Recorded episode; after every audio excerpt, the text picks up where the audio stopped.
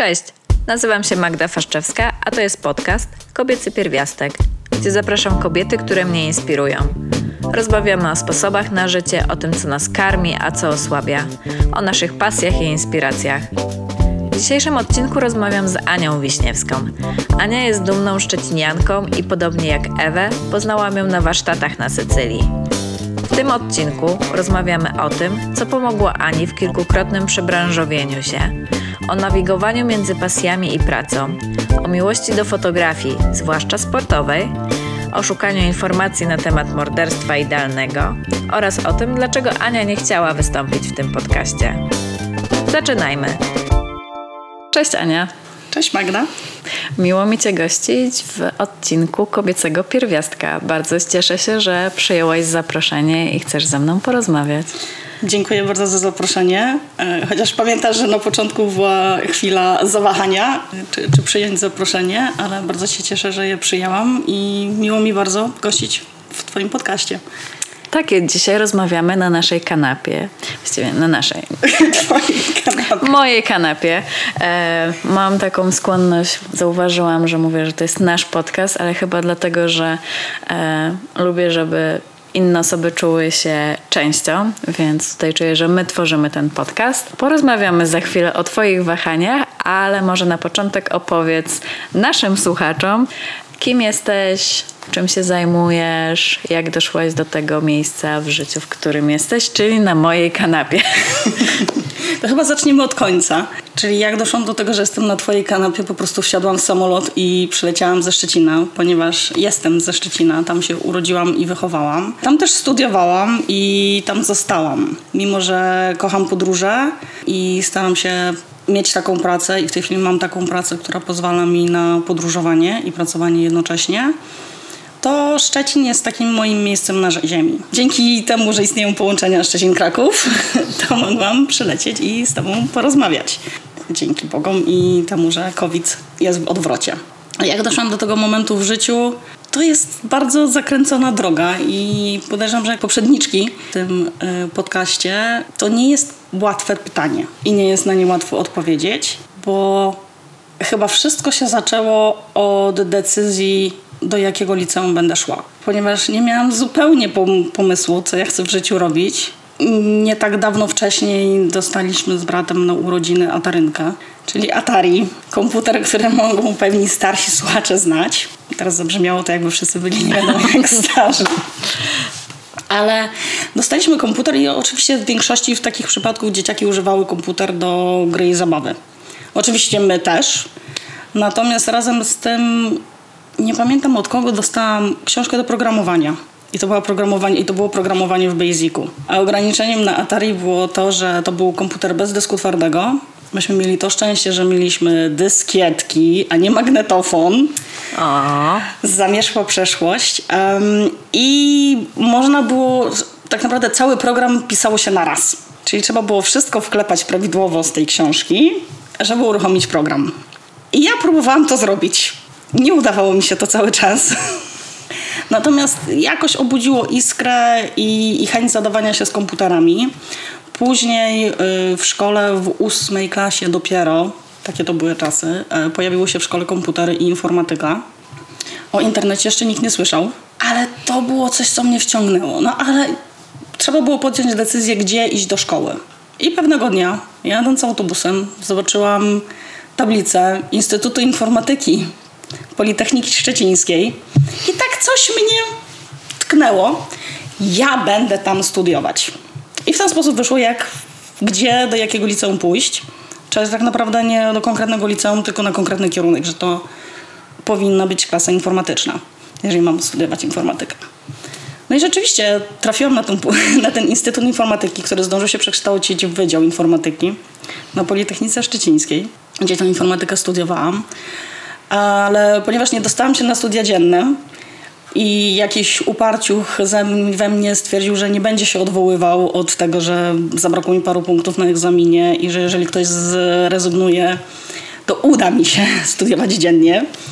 Było takie nie, tak miało być, koniec, kropka, idę na zaoczne. Pracowałam przez 4 lata w księgowości, studiując tą informatykę zaocznie, a potem trafiłam do call center niemieckiego, tak naprawdę niemieckojęzycznego, wsparcia wewnętrznych pracowników Hewlett Packarda. I co się okazało? Pomimo rozmowy e, kwalifikacyjnej do pracy po niemiecku, że wcale po niemiecku nie muszę mówić, bo poprawiałam test z informatyki, który mi zadali. Mówię, że takich odpowiedzi to nie jest prawidłowa odpowiedź, tego tak się nie robi. To jest zupełnie inaczej. Więc zaproponowano mi wtedy stanowisko mentora, czyli takiego doradcy wszystkich innych osób pomagających. No a taki mentor, ponieważ wsparcie było po, po niemiecku, ale sami Polacy tam pracowali, było po polsku. Natomiast z drugiej strony myśmy musieli się kontaktować z drugim poziomem wsparcia, e, który na początku był w ogóle w Hiszpanii, a potem się przeniósł do Indii po angielsku. I nagle, a niespodziewanie, zaczęłam mówić po angielsku, pisać po angielsku, robić wszystko po angielsku. I stamtąd się potoczyło. Stamtąd przeszłam na wyższe stanowisko. Kontaktowałam się cały czas z innymi oddziałami wielkiej korporacyjnej firmy. I po sześciu latach stwierdziłam, że mam dość. Jak się zmieniło kolejne e, stanowisko. I wtedy trafiłam, wtedy zajmowałam się bardzo dużo analizą danych tak naprawdę. Bo i zajmowałam się tłumaczeniem, dlaczego pewne rzeczy nam nie wychodzą, co da się poprawić, czego się nie da poprawić. E, Polskim zwyczajem wszyscy zawsze twierdzili, ja to my nie dam rady. Em, więc to było trudne, czasami im wytłumaczyć, macie nie dać rady. Potem w tym wszystkim trafiłam, miałam dość korporacji. Wiem, że korporacja to nie dla mnie. Chociaż trafiłam na bardzo dobrych szafów. Miałam po prostu niesamowite, niesamowite szczęście, jeżeli chodzi o tak naprawdę mentorów, którzy mnie prowadzili. A potem trafiłam do małej firmy, prawie startup to był. Potem się śmialiśmy, że to był dziesięcioletni startup. bo nigdy z tego poziomu startupu nie, nie wyszedł. I tam spędziłam następne 6 lat, robiąc właśnie analizę danych, zagłębiając się, dlaczego ludzie się rejestrują, dlaczego się nie rejestrują, co robią, czego nie robią, co możemy zrobić, żeby ich skłonić, żeby robili jednak na stronie, no bo zależy nam na ich interakcji. Ale ponieważ koleżanka, z którą pracowałam, zaszła w ciążę, to zostawiła mi swój kawałek, który był też o reklamach. Reklama w internecie, jak wszyscy wiedzą, najbardziej wkurzająca rzecz na świecie ale mi się zrymowało. Skakujące okienka, obrazki, które zasłaniają wszystko i tym podobne. I w ten sposób nauczyłam się reklamy internetowej. I jak wyszłam z tego wojna, trafiłam na moment kolejny do korporacji, z której uciekłam bardzo szybko, ale potem trafiłam do mojej obecnej firmy, gdzie właśnie zajmuję się reklamą internetową i dbaniem o to, żeby nasi klienci widzieli i znaczy tak naprawdę zarabiali na tych reklamach. I tak mniej więcej wygląda moja droga zawodowa. Okej, okay, ale tu mi wytłumacz, bo z tego co zrozumiałam, tak kilka razy zmieniłaś ścieżkę, bo tak. oficjalnie skończyła, mówiłaś, że pracowałaś w księgowości, studiowałaś informatykę na tym samym wydziale co ja, więc byłaś oficjalnie informatykiem. Przez chwilę robiłaś wsparcie i mentorowanie w korporacji. Potem nagle zaczęłaś być analitykiem, tak po prostu, czy musiałaś nie, się czegoś nauczyć? To nie było takie nagle, dlatego że w, pomiędzy byciem mentorem a byciem analitykiem, ja już byłam tym analitykiem, ponieważ ja już się zajmowałam analizą tego, co robimy w centrum, że już nie, nie pamiętam jak się moje stanowisko nazywało, byłam osobą odpowiedzialną za raporty i za narzędzia. Mhm. I tak naprawdę stąd wyszły te wszystkie analizy. Myśmy, ja robiłam zespół w Tunezji, z którym pracowałam, robił, wyciągał mnóstwo danych z systemów telefonicznych, z systemów HP, które nam podawał informacje, co robimy, jak robimy i z której strony. I to trzeba było przeanalizować, więc ta analiza danych wzięła się z tego. Tak że trzeba było. Że Czy... trzeba było. Czyli to nie tak, że To przyszło samo. Że nie, że wzięłaś i dokształciłaś zrobiłaś jakiś kurs, tylko była taka potrzeba w pracy, nikt się ciebie pewnie nie zapytał, czy to umiesz, trzeba było zrobić, więc zrobiłaś. Tak, Okay. Tak to było dokładnie, bo zaczęło się od tego, że myśmy już pewne dane analizowali, jak byliśmy mentorami. Po prostu musieliśmy analizować, co się dzieje w naszym zespole i móc to potem wytłumaczyć szefostwu, dlaczego tak się dzieje, a nie inaczej, dlaczego osiągamy lub nie osiągamy naszych celów. No i do tego już trzeba było przeprowadzić jakąś analizę i tego się zaczęło. Myślę, że praca w księgowości częściowo w tej analizie pomogła, bo jednak uczysz się porządkowania danych, e, przypisywania danych do pewnych zdarzeń. Więc tutaj masz, masz tutaj wsparcie i poparcie. A czy to znaczy, że potem aplikowałaś już na stanowisko analityka, wykorzystując doświadczenie, powiedzmy, z inaczej nazywanego e, stanowiska? Tak, tak, jak najbardziej. To już wtedy analiz... specjalnie szukałam pracy analityka i w tym kierunku patrzyłam. Potem mi się to zmieniło, jak widać, ale tak, wtedy patrzyłam specjalnie na stanowisko analityka. Ja się tak dopytuję, bo wiem, że wiele osób nie lubi tego, co robi, chciałoby się przekwalifikować i zawsze jest pytanie, czy tu zrobić jakiś kurs, czy jak zacząć, a widzę, że ty zrobiłaś to tak super płynnie, że wykorzystywałaś to, co w danym momencie robiłaś i w jakiś sposób tą wiedzę poszerzałaś. Było też trochę szczęścia, powiedzmy, w tym, że koleżanka zostawiła ci działkę i mogłaś się po prostu nią zająć, ale tak jak gdyby wykorzystywałaś szansę na rozwój w tym, co Cię interesowało, i potem to było jak trampolina do robienia kolejnej rzeczy w życiu, ale bez takiej, nie wiem, może nawet spiny, bo brzmi w ogóle jakby nie, to było takie płynne przejście, nie, że jakieś odcięcie, jakieś martwienie się, tylko robimy czegoś trochę, trochę więcej, a potem po prostu robimy to na pełen etat. Tak jak to opisujesz, to rzeczywiście to tak było. Jak spojrzę w przeszłość, to ja miałam niesamowite szczęście, bo poza mm, krótkimi odcinkami, gdzie miałam stresującą sytuację, że nie mogłam znaleźć pracy, to rzeczywiście tak to wyglądało. Zamykali wsparcie w y, Polsce dla HP, no to y, moja wtedy menadżerka bardzo usilnie na mnie naciskała i zaraz dojdziemy do tego, dlaczego się wahałam o wystąpieniu w podcaście, że ja mogę i powinnam aplikować na inne stanowisko. Że jestem do tego zdolna. I ona mnie bardzo mocno podbudowywała w tym kierunku i tak naprawdę kopała w tyłek. Nie, ty Anka, możesz to zrobić, na pewno jesteś dobra w tym, będziesz, idź, aplikuj, rób to. A następne stanowisko było tak, że po prostu mój szef do mnie zadzwonił i powiedział: Słuchaj, sytuacja jest taka i taka, czy chcesz pracować ze mną na tym i na tym stanowisku? Oczywiście, dlaczego by nie? I tak to przechodziło. Miałam naprawdę duże szczęście, że tak się mi życiowo ułożyło. Mimo, że ja jestem osobą, która nie robi planów na przyszłość i pytanie na rozmowach rekrutacyjnych, gdzie się pani widzi za 5 lat, jest dla mnie totalną abstrakcją. Bo ja się nie widzę za 5 lat nigdzie. Świat się tak szybko zmienia i ja się tak szybko zmieniam, robię różne dziwne rzeczy i to, co robię dzisiaj, nie znaczy, że będę to robić za 5 lat. Mimo, że obecną firmę uwielbiam i uważam, że to jest działka biznesu, która się będzie bardzo rozwijać przez najbliższe lata, to ja nie wiem, czy ja będę tutaj za, za 5 lat. Mogę nie być, mogę być gdzieś na świecie robiąc zdjęcia. Tak, no ja widzę jeszcze jedną rzecz, która chyba jest ważna. Relacje z ludźmi. Myślę, że to też jest kolejny efekt motyla i, i to też się przydaje.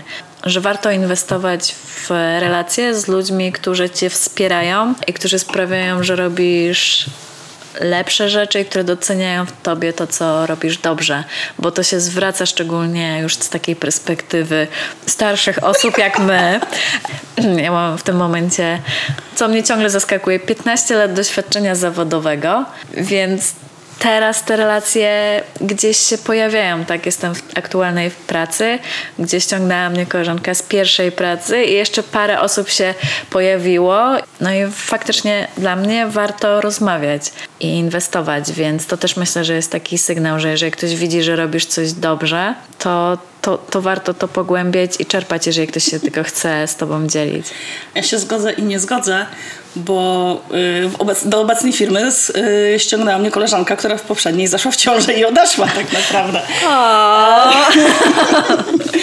Więc y, coś, coś w tym jest, że ludzie... Dobrze się trzymać dobrych ludzi, o może w ten sposób.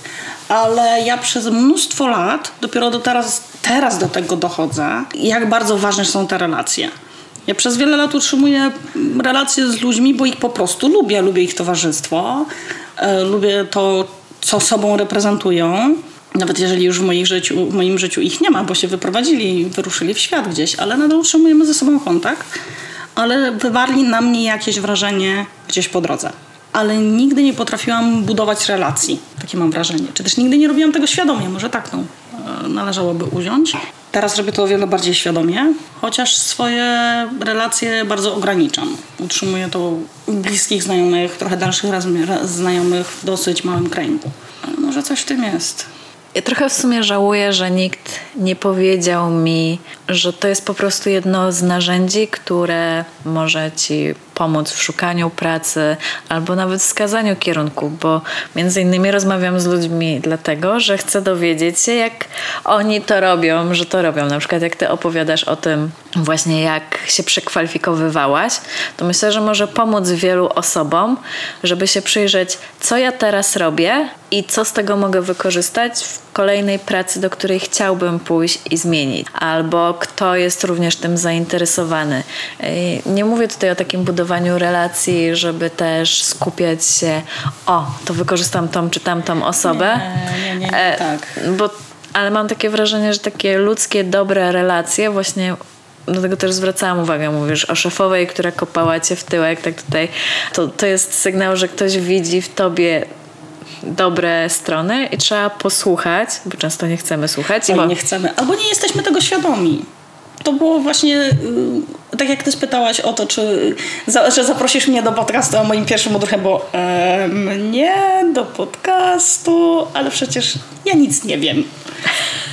Ja jestem nikim i, i dlaczego chcesz mnie zapraszać? Ale inni ludzie, inna perspektywa pozwala nam odkryć siebie trochę. Jak jesteśmy młodzi i nic nie wiemy, to przyznajmy się, że nic nie wiemy. Mamy mnóstwo niepewności. Ja po szkole byłam zastraszona, bo szkoła była jaka była i było nie wiesz, siadaj pała.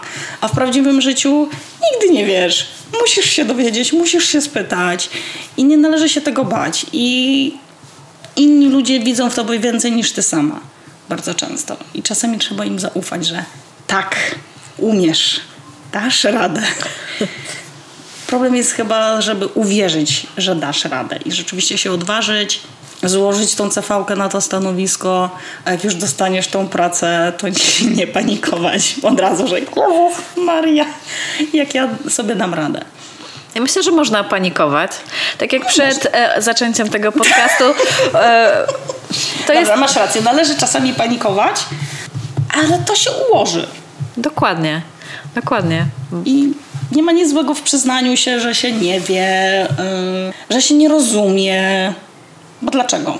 Masz umieć i rozumieć od razu wszystko. Wszystko jest nowe, nagle, niespodziewanie. Nieważne ile lat pracujesz, ja w styczniu zmieniłam stanowisko i nagle znowu wszystko było nowe. I znowu musiałam się o wszystko pytać i prosić o tłumaczenie po raz piąty czy dziesiąty. Wytłumacz mi to, bo ja nie rozumiem nadal, co ty do mnie mówisz.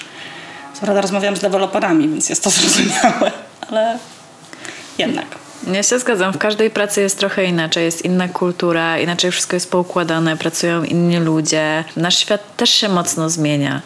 Zmieniają się technologie, metody, więc myślę, że do końca życia musimy zaakceptować, że trzeba My będzie się pytać. zmieniamy. Też? Tego nie bierzemy często pod uwagę, jak bardzo my się zmieniamy przez ten czas. Patrzę 20 lat wstecz i tak, Boże, dziecko, ile ty miałaś szczęścia w życiu, że ci się to udało. Tak jak rozmawiałyśmy przed podcastem, że Szczecin no jest, był bardzo zapuszczony.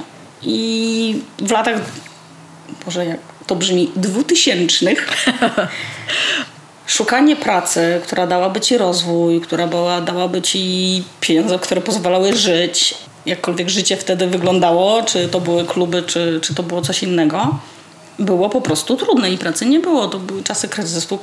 Pracy nie było. Ja pracowałam w kinie. Bardzo dobre doświadczenie. Zarąbiaste, polecam każdemu. Praca z klientem, praca z pieniędzmi. Nigdy więcej nie będziecie krzyczeć na ludzi na kasach albo w innych miejscach, jak popracujecie w ten sposób ale to po prostu było trudne. I ja miałam niesamowite szczęście dostać tą pracę, którą dostałam wtedy. A potem wzięło się i wszystko potoczyło. Dobrze, a teraz jeszcze powiedz w takim razie, dlaczego jednak przyjęłaś moje zaproszenie? Z dwóch powodów.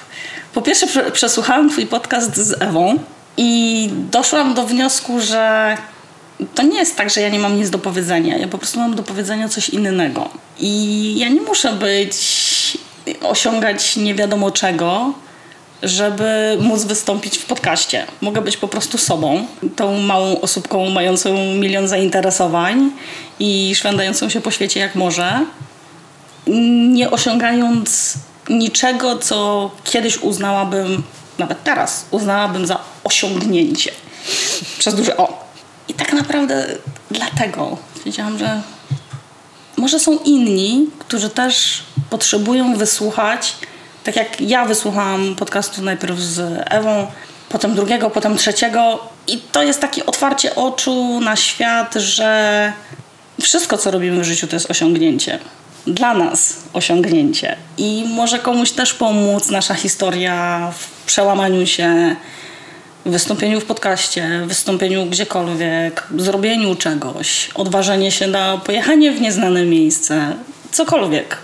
Danie trochę inspiracji. Też, też mam taką nadzieję. E, więc może porozmawiajmy w takim razie o Twoich zainteresowaniach. Miałam na liście głównie dwa, ale może najpierw oddam Ci głos. E, jakie masz zainteresowania? Główne zainteresowania, które pozwalają mi się interesować wszystkim tak naprawdę, to jest y, fotografia i pisarstwo. I podróżowanie. No ja już powiedziałam dwa, ale podróżowanie pozwala mi na wszystko i usprawiedliwia wszystko, absolutnie, co robię. Tak samo pisarstwo wszystko usprawiedliwia. Tak naprawdę to są trzy rzeczy, które trzymają się ze mną od dawien dawna. Co prawda pisać zaczęłam dopiero mając lat 20 parę, bo pisać w szkole nie nienawidziłam. Pisanie na zadany temat to jest koszmar yy, straszliwy, a już na pewno pisanie o lekturach. E, Więc e, akurat mojej polonistce nie udało się mnie przekonać do pisania. Ale fotografia, podkradałam mamie aparat mając już lat 7. Bo mnie to strasznie fascynowało. Ym, Moja mama też fotografuje i jako będąc starej daty fotografowała na filmie. Filmów sama nie wywoływała, natomiast myśmy sami robili odbitki. Więc to jest takie wspaniałe wspomnienie z dzieciństwa, kiedy siadaliśmy w kuchni wieczorem, e, żarówka zmieniała się na czerwoną, żeby świeciło czerwonym światłem i nie niszczyło negatywów, nie niszczyło, nie niszczyło papieru fotograficznego.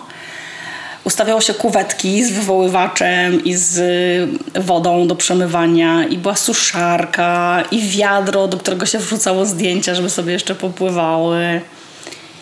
I to mnie tak ciągnęło, że po prostu zabierałam mamie aparat. Mama oczywiście dawała mi ten aparat. Potem dostałam swój własny pierwszy aparat. Na komunię zdaje się. Tak, na komunię raz z, deskolor, z deskorolką. Byłam interesującym dzieckiem. Chciałam deskorolkę na komunię. A potem dostałam na osiemnastkę swoją pierwszą lustraszankę. Więc fotografia jest ze mną od zawsze i jak przyszły w aparaty cyfrowe, to przepadłam zupełnie, bo jak jeszcze film mnie ograniczał i no trudno było trenować aż tyle na filmie, jak się trenuje na cyfrowym, bo nie masz tego ograniczenia. Karta się skończy, trudno, skasujesz, lecisz dalej. Tak, Ja tylko powiem, że właśnie e, patrzę jak Ania się uśmiecha po prostu od ucha do ucha i żałuję, że nie mogliście widzieć jej wyrazu twarzy, jak opowiadała i o dzieciństwie i fotografowaniu. To ja może e, powiem, że czy ty masz e, licencję? Bo wiem, że robisz zdjęcia sportowe. Ja bardzo kojarzę, nie wiem, e, jakoś najbardziej mi zapadły w pamięć zdjęcia, które robiłaś na jakichś mistrzostwach z gimny, gimnastyki artystycznej. To było, to było przeżycie mojego życia. Albo jakby bardziej poetycko, chyba najfajniejsze wydarzenie, na jakie udało mi się dostać. Robię zdjęcia sportowe, robię zdjęcia makro, robię zdjęcia podróżnicze i robię fotoreporterkę, czyli zdjęcia z różnych wydarzeń. Ja zaczęłam od makro. To, co pierwsze robiłam, jak ukradłam mamie aparat, yy, to było też pożyczenie pierścieni do obiektywów, po to, żeby móc zrobić zdjęcia makro. E, I to mnie wciągnęło niesamowicie. I to były pierwsze zdjęcia, zdjęcia, które ja robiłam, to były zdjęcia makro. Nawet jak miałam potem cyfrówkę. Mm, Również też podróżnicze, jak jeździłam, to, to mnóstwo zdjęć. Ale potem właśnie pojawiły się zdjęcia fotoreporterskie. I potem zaczął się sport. Ja bardzo lubię gimnastykę sportową. Zespole szkół, do których chodziłam, była podstawówka z gimnastyką sportową w programie. I my jako licealiści pomagaliśmy organizować zawody w tamtych czasach. Więc e, to też jest coś, co ze mną idzie przez całe życie, czyli ta gimnastyka. I jak usłyszałam, że w Szczecinie będą organ- organizowane Mistrzostwa Europy w gimnastyce sportowej, to był taki błysk. Ja chcę tam fotografować. Ale żeby fotografować na takich imprezach, musisz mieć legitymację prasową. Ja legitymację prasową mam, wydaną przez e, magazyn fotoreporterów Camera Pixo, gdzie właśnie ukazują się moje zdjęcia, jakie do nich wyślę. Bo to trzeba po prostu wysłać zdjęcia, żeby się ukazały. Więc fotografuję właśnie takie imprezy sportowe jak gimnastyka. Z gimnastyki możliwe, że kojarzysz najbardziej, bo ja najwięcej zdjęć stamtąd dzieliłam. Plus wyszedł e-book z moimi zdjęciami. Również wydany przez Camera Pixo i można go sobie obejrzeć na, na ich stronie. Podlinkujemy. Podlinkujemy. E, robiłam zdjęcia pokazów lotniczych, które też bardzo lubię, bo to jest wyzwanie. Rusza się przed tobą coś bardzo, bardzo szybko i złap to fajnie, żeby ładnie wyglądało i dobrze. E, na zawodach jest dodatkowe utrudnienie, bo oświetlenie zazwyczaj jest do bani i trzeba się bardziej postarać i złapać ten kadr, ten fajny kadr pokazujący piękno tego sportu, czy też każdego sportu, bo fotografowałam również e, zawody w e, tenisie ziemnym, bo dlaczego nie, i wyścigi samochodowe, bo mogę, bo to sprawia mi frajdę. Boże, jakie to jest fajne. No teraz ja nie wiem, co powiedzieć, bo widzę twoją, widzę twoją radość i, i znowu mam takie poczucie, jak płynnie przeszłaś. Tutaj robiłam makro i miałam taki, taką pierwszą myśl, czy, czy to makro nie było przypadkiem z tego powodu, że to jest a blisko, nie trzeba wchodzić w kontakt, nie trzeba się, nie wiem, dogadywać z kimś, żeby mu zrobić portret, e, Tak. ani nawet się pokazywać. Można się gdzieś zakitrać z tym obiektywem, jakiś robaczek, jakiś kwiatek. E, Makro chyba wyszło z tego, że w tamtych czasach ja nie wiedziałam, że istnieje fotografia sportowa. I mogłam trenować na kwiatkach postawionych na parapecie w moim pokoju, więc to też było duże ułatwienie. Ale fajnie i płynnie przeszłaś do tego, że nie wiem, czy ja ci to mówiłam, jak byłyśmy na warsztatach, że ja bardzo długo nie lubiłam fotografować ludzi. Uważałam, że tego nie umiem robić. I, I w ogóle jeszcze wydawanie instrukcji, jak ktoś ma się ustawić, przekręcić, wkręcić. Nie, nie, dziękuję, ja nie chcę, proszę, ja się wypisuję, ja wolę z daleka. Samo się robi. Ludzie sami robią, co mają robić. Są profesjonalistami w tym, co robią. I ja nie muszę nim, nawet nie powinnam nic mówić. A potem trafiłam na warsztaty pisarsko-fotograficzne z portretami i zaczęłam robić portrety. I to było taki moment przełamania, tak naprawdę. Bo okazało się, że mogę, że umiem, że nawet fajnie wychodzą te portrety. Wow, ja potrafię robić takie zdjęcia ludziom? Nie. A potem wymyśliłam projekt portret. Spytałam na Facebooku tak bardzo otwarcie, czy ktoś by chciał mi pomóc potrenować robienie portretów. I odpowiedź mnie oszołomiła, tak naprawdę. Bo spodziewałam się, że no może 3-4 osoby się odpo- od- odezwą, że chętnie, a zgłoszeń w sumie miałam chyba z 15. wow, to, to Tak, jest niezła liczba. Um, Okej, zajmie mi to cały rok. Ale to jest taka kolejna myśl, że warto weryfikować swoje założenie, jak mamy jakiś pomysł, to spróbować go zrealizować, bo znowu tutaj wszechświat może odpowiedzieć, Tak. że jest zupełnie inaczej niż nam się wydaje, że, że nasze estymacje, przewidywania, że nikt i nikt nie będzie zadowolony, to zupełnie nie ma wspólnego nic z rzeczywistością. A kiedy to jest tylko w głowie, to w, To jest zawsze tylko w naszej głowie. Nigdy nie wiesz tak naprawdę, jaka jest odpowiedź twojej społeczności i czy to będzie duża, czy mała odpowiedź, zawsze dadzą ci szansę poćwiczyć, nauczyć się czegoś nowego, doświadczyć czegoś nowego. Zawsze się znajdzie ktoś, kto powie, to jest super pomysł, spróbuj. I ja ci nawet pomogę, stanę przed tym twoim obiektywem. Ja nie wiem, jak z zadowoleniem ze zdjęć. Większość osób jest zadowolonych, mam nadzieję, ale też y, mam ostatnio spowolnienie w robieniu zdjęć i ich obrabianiu przede wszystkim, więc muszę do tego wrócić. No myślę, że to jest czasochłonne. Jeszcze chciałam, zauważyłam jedną rzecz, że jak mówisz o fotografii, to używasz często czasownika potrenować. Trenowanie. I e, Wow, nie zauważyłam tego.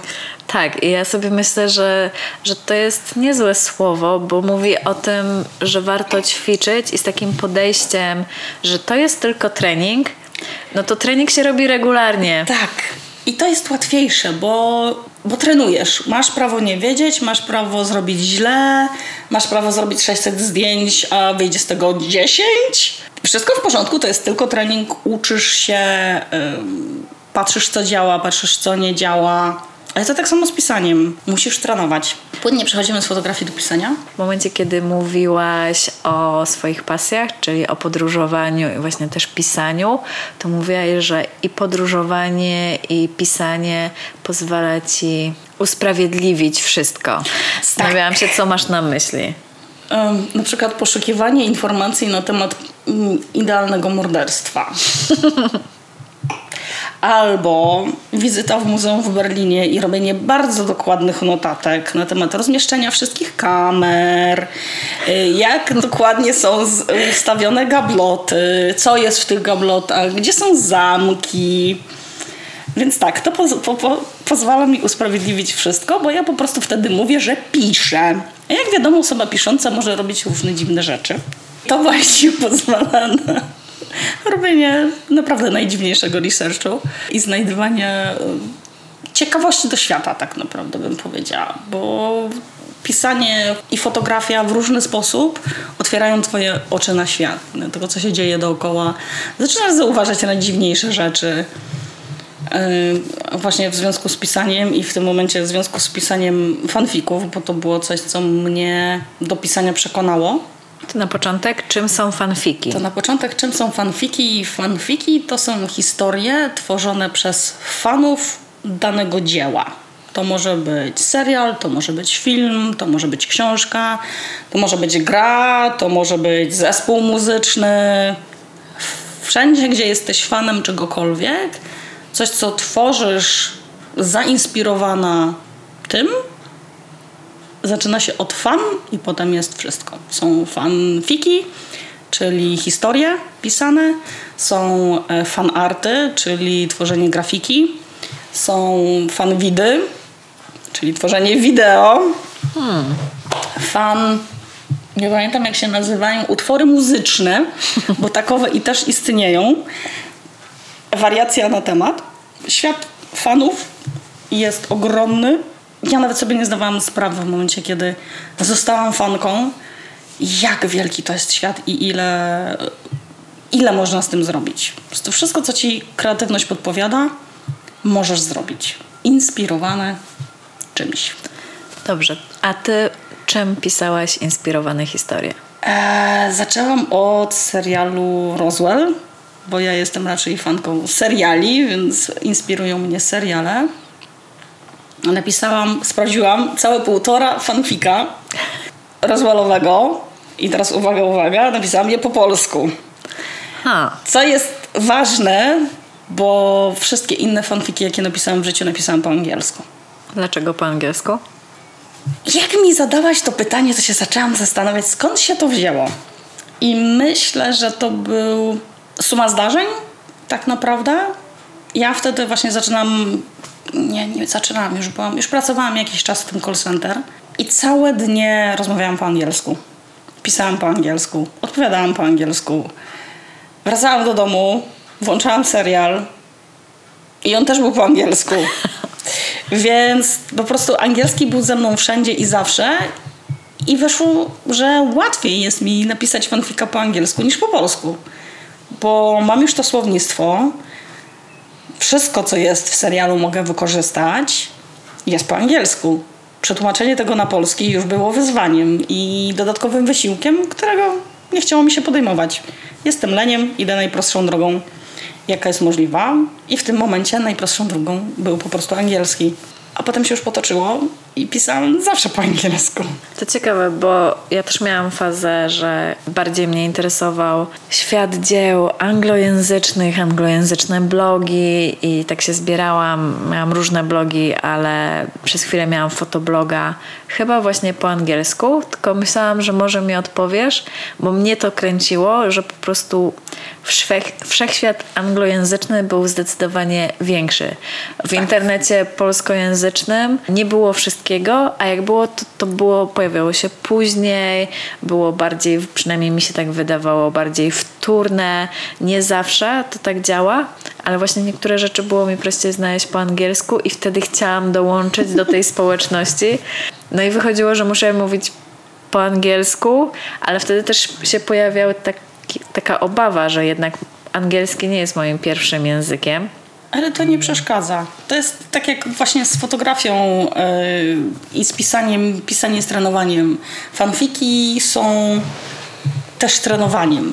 Później dopiero się przekonałam, jakich wspaniałych, jak duża ilość wspaniałych pisarzy pisze fanfiki, bo to im sprawia frajdę. Oni by mogli pisać naprawdę fantastyczne, oryginalne opowieści.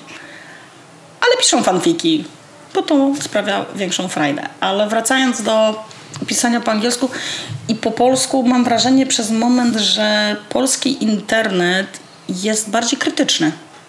To też. Łatwiej było napisać po angielsku i dostać poradę, jak rozwinąć historię albo jak poprawić to, co robiłam, niż w polskim. W polskim od razu, a bo ty nie wiesz, co piszesz, nie wiesz, jak piszesz, ale nie o to chodzi. Ja to robię dla fanu i tylko dlatego.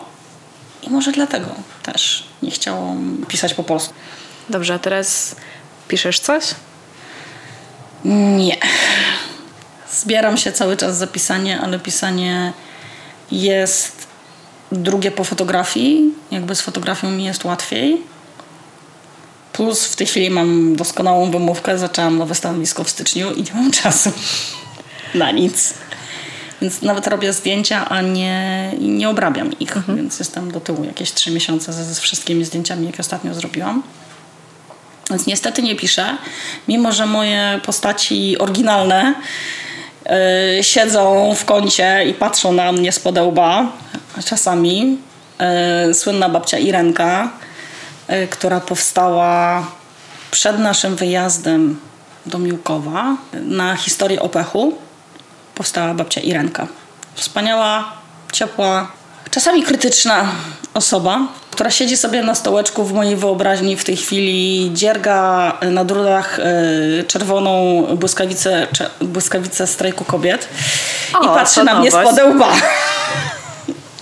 No nie, ona tą dziergę od czasu, jak ją porzuciłam, więc myślę, że to jest jakby jej symbol y, oporu wobec mnie, że mam się zabrać za pisanie, ale niestety dopóki nie skończymy migracji w pracy, to babcia Irenka musi poczekać. Okej, okay, bo właśnie też chciałam Ciebie zapytać o, o priorytety. Wygląda na to, że fotografia zajmuje Ci sporo czasu. Pisanie się tak przeplata, więc myślę, brzmi trochę jakby miało różne, różne fazy właśnie w zależności od tego, co się dzieje w życiu. fazy, jak najbardziej.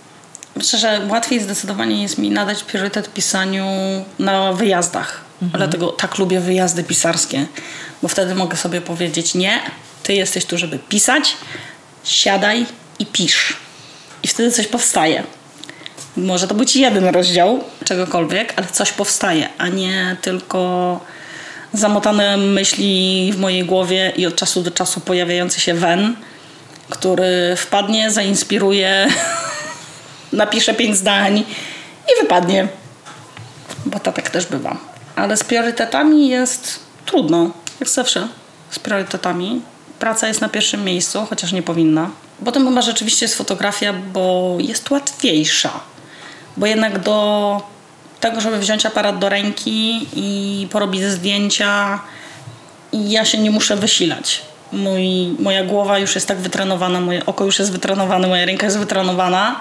Po prostu biorę aparat, idę i gdzieś widzę coś, co chcę sfotografować a z pisaniem to jednak muszę usiąść, ograniczyć bodźce, wyłączyć internet, wyłączyć Netflixa, zastanowić się, co chcę napisać i napisać. I poświęcić temu trochę czasu. Czy myślę, że faktycznie tu są ważne dwie rzeczy. Jedno, że mówiłaś, że fotografią zaczęłaś się zajmować w wieku lat siedmiu, Tak. więc to wytrenowanie jednak zmienia dużo i ułatwia dużo, a drugim, że faktycznie wyjście z otoczenia, które nas bodźcuje, jest też pomocne, bo, bo dokładnie wiem, jak trudno się siada do, do pisania.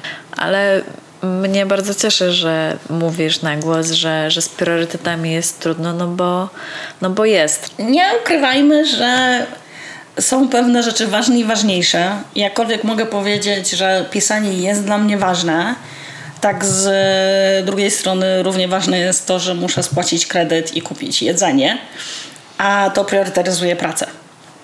Uwielbiam moją pracę i mogę ją robić zewsząd ze świata, co nie zmienia faktu, że muszę jej poświęcić 8 godzin. Mogę poświęcić 6, mogę sobie poszatkować dzień jak bardzo mi pasuje, ale mam świetną wymówkę, ciągle niezmiennie, e, że zaczęłam nowe stanowisko i ciągle się go uczę. Jakkolwiek mam wsparcie w tym z mojej firmy, no to jednak zajmuje to czas, zanim ja się nauczę wszystkich in and outs tego, co tam się robi i jak się to robi. A dopóki nie wyszkolę osoby nowej na swoje stanowisko, koleżanka szkoli tak naprawdę osobę, która przejmie po, ode mnie pewne obowiązki, to nagle niespodziewanie robię dwie rzeczy naraz. Tak, to zdecydowanie nie pomaga. Nie pomaga. Ja mam taką, takie doświadczenie, że warto zwracać uwagę, ile czasu i energii poświęcamy w danym momencie pracy, bo tam też są różne e, sezony i po prostu jak tej energii wydatkujemy tam dużo, to nawet nie ma co oczekiwać od siebie, że będzie tej czasu i tej przestrzeni na robienie rzeczy kreatywnych, bo e, przynajmniej z mojego doświadczenia odpoczynek w takich momentach jest kluczowy. Tak. Żeby się nie zajechać i żeby móc szybciej wrócić do takiego rytmu, gdzie faktycznie mamy czas i przestrzeń na, na inne rzeczy, szczególnie takie kreatywne. Tak. Szczególnie, że mam wrażenie, że niektórzy nie zdają sobie sprawy, że kreatywność wymaga siły. Musisz mieć energię na to, żeby być kreatywnym. To nie przychodzi sobie o tak, znikąd, tylko twój umysł musi być wypoczęty, żeby to znikąd można było wchłonąć. Chmury. Ewa ostatnio postowała y, świetnego słonika w chmurach, co mi przypomniało, jak kiedyś dawno temu wykorzystywałam spacery do tego, żeby właśnie pomyśleć nad historią, jaką chcę napisać. I napisałam historię z chmur. Też można. Wszystko jest inspirujące, ale trzeba być na to otwartym. A jak idziesz do pracy, wydatkujesz tą energię w pracy i dużo tej energii tam poświęcasz, czy to jest 6 godzin, czy to jest 8 godzin, czy to jest 10, czy 12, bo takie że sytuacje też się zdarzają. Wracasz do domu, jesteś padnięta i nie masz ochoty być kreatywna. Ja myślę, że to nawet nie jest ochota. ja Myślę, że to jest mit. Siła? Mit? Tak, myślę, że to, co powiedziałaś, że kreatywność wymaga siły. Mhm. E, To, to jest ważne, bo myślę, że to jest krzywdzące, kiedy myślimy sobie, że wracając z e, pracy, właśnie zmęczeni, musimy być kreatywni. Nie, musimy odpocząć, jeżeli chcemy być kreatywni. Musimy odpocząć i dać sobie pozwolenie na to odpoczywanie, żeby po prostu wyłożenie się na kanapie z książką, z kolorowanką, e, Netflixem czy telewizją, cokolwiek, jest jak najbardziej relaksujące i dające siły na to, żeby y, być później kreatywnym. A poza tym, ja mam kolejną wymówkę. Pisanie daje wymówki. Ponieważ ja piszę z seriali, to oglądam seriale, żeby mieć potem z czego pisać. Może mnie któryś zainspiruje. Dobrze, to powiedz, czy przyniosłeś jakiś serial, film, książkę e, dla naszych słuchaczy? Dużo, dużo film, może nie dużo, dużo, ale takie, które coś, co mnie ostatnio niesamowicie wciągnęło. Jest i książka, i serial, który ma w tej chwili dwa sezony, będzie trzeci. Um, A Discovery of Witches. Nie pamiętam, jak się po polsku to nazywa. Nieważne, podlinkujemy. Podlinkujemy. To jest Księga Wszystkich Dusz książka, a nie wiem, jak nazwali po polsku serial. Też nie wiem, też znam pod angielskim tytułem. Dokładnie. E, uważam, że jest najfajniejszy, najwspanialszy, a poza tym pozwala mi przeanalizować, jak się przetwarza książkę na serial. Wszystko da się usprawiedliwić pisaniem. Bardzo w podobnym, może nie w stylu, ale również książka i serial Outlander. Jeżeli jeszcze ktoś nie czytał i nie oglądał. E, To ja, to ja ciągle nie czytałam nie polecam. Lista rzeczy, których nie widziałaś i nie czytałaś i rośnie. Nie wiem, kiedy czy to wszystko obejrzysz. E, liczę, że zimą i jesienią. Ach, może ci nie starczy czasu. Może. E, Lucyfer, jeżeli ktoś nie oglądał Lucyfera, to po prostu powinien nadrobić. Bardzo fajny serial. I serial, który zainspirował mnie jako drugi do pisania i tak naprawdę najwięcej fanfików napisałam właśnie z niego, czyli White Collar. Po polsku wyszedł, zdaje się, jako w kołnierzykach. Brzmi możliwe. Jakoś tak. Dziwny to był tytuł po polsku. A z ostatnich takich, które mi jeszcze wpadły w oko, w tej chwili na Netflixie, jeszcze całego nie skończyłam, ale uważam, że warto obejrzeć, jest Sweet Tooth. Też jeszcze Świetne. przede mną. No, ja jestem na bieżąco ze wszystkim, co na Netflixie. No, Albo przynajmniej większością tego, co jest na Netflixie. E, Z filmów, które zdecydowanie polecam, jako absolutna fanka y, Avengersów i wszystkiego, co z nimi wspomniane. Akurat nie polecę wam Avengersów, ale polecę wam The Judge z Robertem Downeym Junior- Juniorem i Robertem Duvalem. Fantastyczne role. Piękne światło, po prostu praca kamery. Mm, moja miłość. Doskonała historia i ta muzyka. Też świetnie dobrana. Po prostu naprawdę bardzo dobry film. Zdecydowanie polecam. A z książek poza A Discovery of Witches Outlandera polecam wam Terego Pratchetta i całą serię dysku, Świata Dysku. Zgadzam się. A przede wszystkim książki Stephanie Obolon, które są absolutnie najwspanialsze na świecie. Dlaczego? Bo to jest, chciałabym powiedzieć, że nie no, jest silną kobiecą postacią, ale silną w sposób taki zwykły i normalny. Ona jest pełna magii, pokazuje dorastanie i nabieranie pewności siebie. No poza tym ma free women, którzy są nie do podrobienia. Jest przeraźliwie zabawny. Tak, Tiffany Arching jest wyjątkowa, można by powiedzieć. Dobrze. To muszę sprawdzić, czy coś czytałam, bo, bo chwilę minęło od tego. Tak, zdecydowanie moja lista wydłuża się i wydłuża, ale Ale nie tylko twoja. Dzięki podcastom ja też mam listę rzeczy do przeczytania, obejrzenia, yy, przypomnienia sobie w niektórych przypadkach. Ale to jest też bardzo fajne. Pytanie innych ludzi o to, co oni oglądają, co oni czytają, co ciekawego ci polecą. tak, też uwielbiam, chociaż potem właśnie ciężko jest nadrobić, ale też wiem, że jak coś ma do ciebie wrócić, to dobrze pytać regularnie, bo to wraca jak bumerang i jak jest dobre, to w końcu, w końcu dotrze. W taki sposób dotarłyśmy do, do końca tego odcinka. Dziękuję Ci bardzo, że przyjęłaś zaproszenie. E, Wszystko dotyczące Ciebie, gdzie Cię można znaleźć, jakie linki znajdziecie na stronie kobiecypierwiastek.pl. Myślę, że jest spokojnie wiele tematów, do, do których możemy wrócić i mam nadzieję, że będę mogła Cię ponownie gościć, więc dziękuję Ci bardzo. Dziękuję bardzo. Chętnie wrócę. Zawsze to jakiś powód, żeby przyjechać do Krakowa. I do usłyszenia. Do usłyszenia.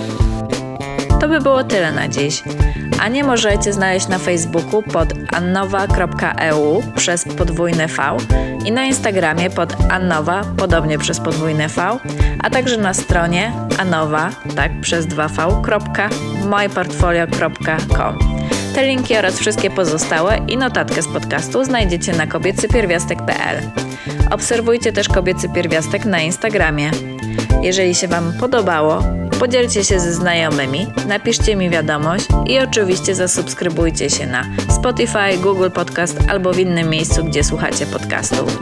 Do usłyszenia!